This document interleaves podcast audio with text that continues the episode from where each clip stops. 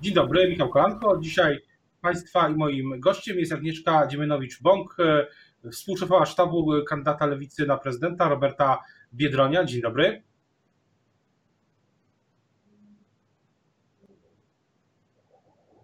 Dzień dobry panu, dzień dobry państwu. Chciałbym zapytać na początek o wizytę prezydenta Dudy w Stanach Zjednoczonych, która zaczyna się, będzie miała miejsce jutro. Czy, czy prezydent powinien konsultować tezy tej wizyty wcześniej z opozycją? E, oczywiście powinien konsultować taką wizytę z e, opozycją, ale w szczególności w tej sytuacji, w której dzisiaj się znajdujemy, w sytuacji, w której w coraz to kolejnych województwach pojawia się zagrożenie powodziowe, sytuacja jest niepewna, to prezydent w takiej sytuacji, niezależnie od trwającej kampanii wyborczej, powinien uznać, że priorytetem jest bycie tutaj na miejscu, pomoc i reagowanie na ewentualne szkody, które mogą się cały czas pojawiać. Więc to jest pierwsza, pierwsza kwestia, e, która, o której powinien pamiętać pan prezydent, urzędujący prezydent i powinien po prostu odważnie tę wizytę odwołać ze względu na nadzwyczajną, szczególną sytuację, jaką jest zagrożenie powodziowe. Po drugie, powinien zwołać Radę Bezpieczeństwa Narodowego po to, żeby, żeby też omówić tą bieżącą sytuację. Natomiast sam plan, sam pomysł na tą wizytę jest pomysłem czysto PR-owym, jest pomysłem kampanijnym. Na z poprzednich wizyt po to, żeby tuż przed pierwszą turą wzmocnić jakoś swój wizerunek e, jako prezydenta. Ale nawet, y, ale z drugiej strony są tam ważne kwestie bezpieczeństwa, być może nowe, e, nowe, mm, nowi żołnierze którzy mogą się pojawić w Polsce, amerykańscy, kwestie dotyczące nowych e, kontraktów na uzbrojenie. Więc wydaje się, że, że, że, że to są sprawy też krytyczne dla polskiego bezpieczeństwa, bezpieczeństwa Polaków, e, tak samo, a może nawet bardziej jak e, obecne zagrożenie mniejsze lub większe powodziowe. Warunkiem zapewnienia bezpieczeństwa jest stabilność i stabilizacja. Nie tylko Andrzej Duda jest dzisiaj w kampanii wyborczej, Donald Trump, prezydent Stanów Zjednoczonych, również jest w stanie kampanii wyborczej. Wszystkie sondaże wskazują, że najprawdopodobniej tym prezydentem Stanów Zjednoczonych być przestanie.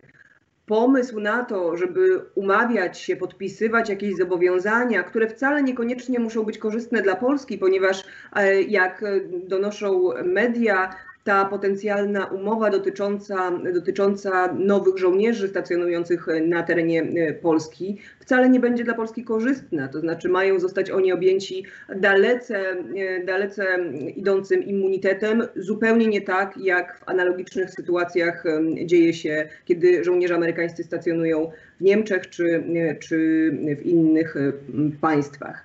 Tak czy inaczej, tak, tego rodzaju porozumienia, tego rodzaju ustalenia należy robić nie w czasie gorącym, nie w czasie pewnych prze, przetasowań, nie w czasie kampanii wyborczej, ponieważ nie ma żadnej gwarancji, że te zobowiązania, które ewentualnie podejmie Warszawa czy Waszyngton, zostaną utrzymane, ponieważ za moment może dojść do zmiany na urzędach prezydenta w tych państwach. A czy y, Czyli podsumowując ten wątek, Donald, przepraszam, prezydent Duda powinien odwołać wizytę w USA ze względu właśnie na kwestię powodzi potencjalnej, realnej. To jest jeden z powodów. To jest oczywiście jeden z powodów. Główny jest taki, że przed wyborami, jeżeli szanuje się swoich wyborców, jeżeli szanuje się Polki i Polaków, których było się prezydentem przez ostatnich pięć lat, to w ostatnim tygodniu kampanii wyborczej potencjalnie ma dać reelekcję na urzędzie prezydenta, no po prostu się mm, rodaków nie zostawia w Polsce, jeżeli mamy do czynienia z kryzysem i także z nowym nadchodzącym. A czy wracając właśnie na grunt krajowy, Robert Biedroń wielokrotnie e, mówił w tej kampanii, w tym ostatnim jej czasie po tym e, resecie, że mm, w Polsce musi nastąpić głęboka modernizacja, żeby było wreszcie normalnie. Czy, czy to znaczy, że teraz Pani zdaniem w Polsce y, nie jest normalnie?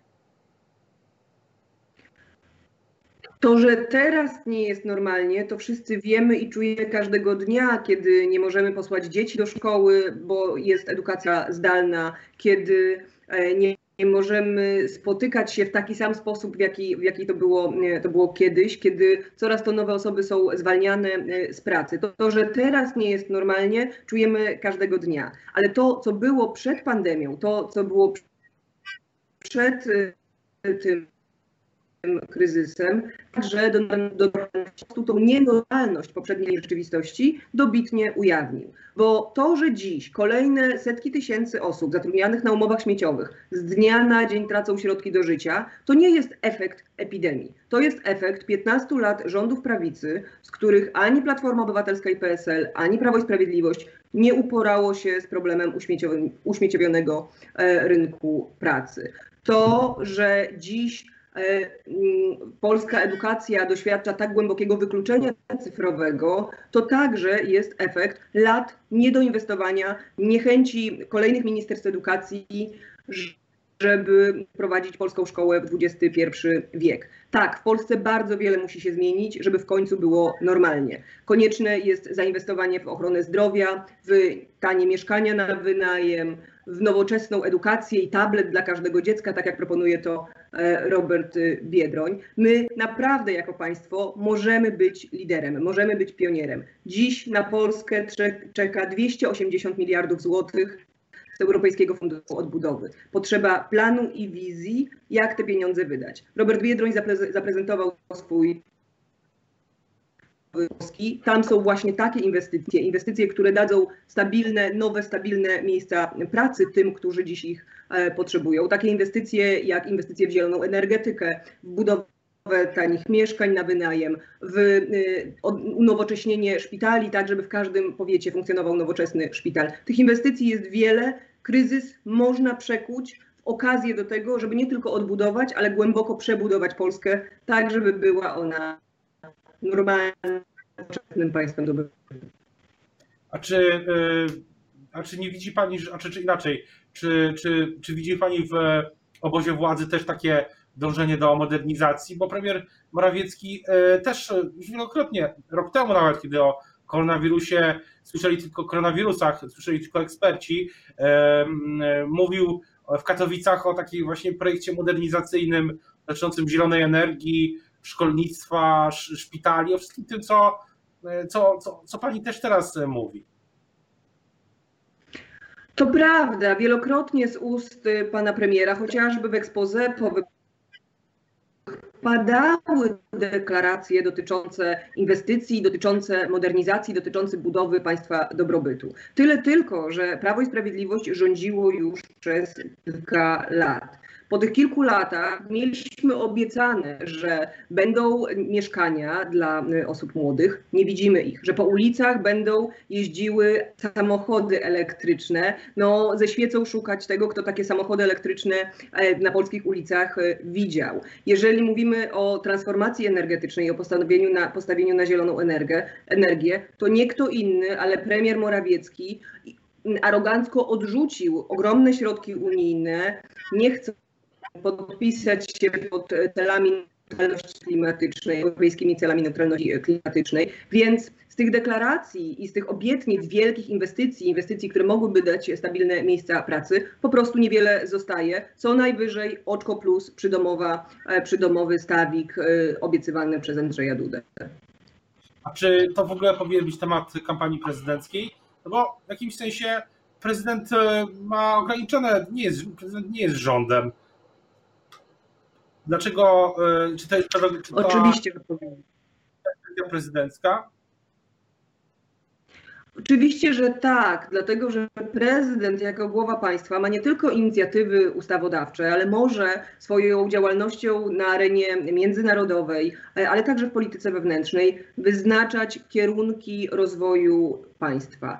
Ja bym chciała i wiem, że Robert Biedroń będzie takim prezydentem, który potrafi się wznieść ponad partyjne podziały i zbudować płaszczyznę porozumienia w kwestiach zasadniczych. Wczoraj Robert Biedroń zaproponował powołanie e, Rady Edukacji Przyszłości, specjalnego ciała przy prezydencie, które wprowadzałoby polską edukację do XXI wieku. Taka rada musiałaby się składać nie tylko z polityków, choć oczywiście także z polityków wszystkich opcji, ale przede wszystkim ze środowisk oświatowych, ekspertów, tych, którzy byliby w stanie wymyślić polską szkołę na nowo, tak, żeby zamiast w XIX wieku była ona, spełniała ona wyzwania e, współczesności. Na jaki zostało kilka dni do pierwszej tury. Na jaki wynik liczy sztab Roberta Biedronia? Jakie są oczekiwania? Lewica liczy na jak największy, na jak najlepszy wynik oczywiście, ponieważ mamy świadomość tego, że od wyniku Roberta Biedronia, od wyniku lewicy będzie zależało to, jak naczelne postulaty lewicowe będą traktowane w debacie publicznej. Rozdział Kościoła od państwa, doprowadzenie do sytuacji, w której ksiądz, tak jak kwiaciarka, tak jak fryzjerka, tak jak kosmetyczka, tak jak sprzedawca chleba musi sprawiedliwie płacić podatki. Doprowadzenie do sytuacji, w której niemożliwe będzie to, żeby wicepremier z ambony e, wykonywała polityczne e, kazanie. Zliberalizowanie prawa antyaborcyjnego, równość małżeńska, państwowy deweloper, który wybuduje, e, który wybuduje mieszkania, to są tematy i to są postulaty, które do agendy, na agendę wprowadza nie kto inny, a właśnie lewica. Jeżeli zależy nam na tym, a mnie zależy, żeby mm, politycy innych opcji, innych barw musieli liczyć się z tymi postulatami, to muszą liczyć się, e, to muszą liczyć się z lewicą. A żeby liczyć się z lewicą, to lewica najpierw musi się 28 czerwca policzyć, postawić na Roberta Biedronia, zagłosować i mieć nie tylko czyste sumienie, ale poczucie, że to, co jest dla wyborcy lewicowego naprawdę ważne, jest e, traktowane poważnie w debacie publicznej. Jak pani traktuje te oczekiwania wyrażone bardziej przez e, chyba niektórych zwolenników Platformy Obywatelskiej na Twitterze e, niż, przez, niż wprost jednoznacznie przez Rafała Trzaskowskiego, że, że Robert Biedroń powinien i inni kandydaci powinni gremialnie poprzeć E, e, Rafała Trzaskowskiego przed drugą turą, albo lepiej już teraz?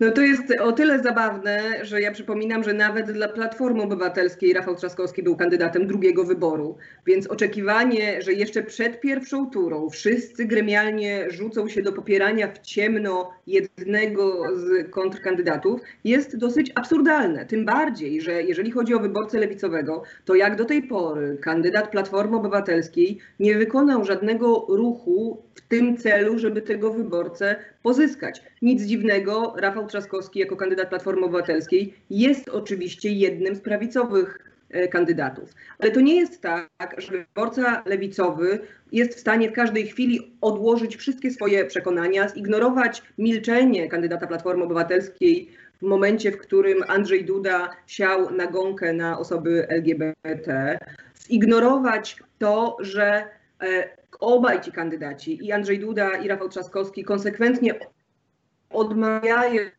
debaty w mediach na sprawy najbardziej ważne. Na poparcie lewicy trzeba sobie zasłużyć, na poparcie lewicy trzeba sobie zapracować i nie zapracuje się pochukiwaniami tego czy innego redaktora sprzyjającego akurat Platformie Obywatelskiej. O tym, jak te pochukiwania będą przebiegać w przyszłości, to jeszcze zobaczymy. Chciałbym tylko zapytać o ostatni etap kampanii przed pierwszą turą Roberta Biedronia. Co przed pierwszą turą e, Biedroń, e, Robert Biedroń szykuje i co Państwo szykują na najbliższe godziny? Jesteśmy cały czas w trasie. Dziś rozmawiam z Państwem z Olsztyna.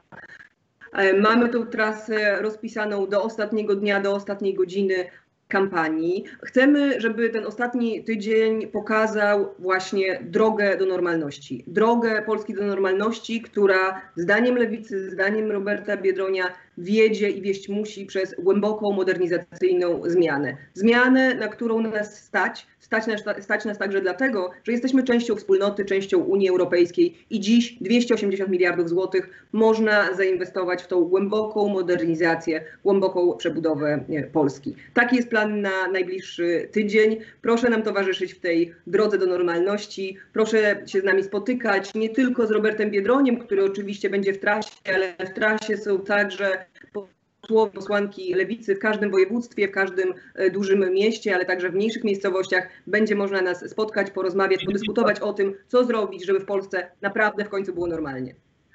To nie jest tak, że niektóre, niektórzy politycy lewicy nie wspierają Roberta Biedronia, bo tak e, donoszą niektóre media.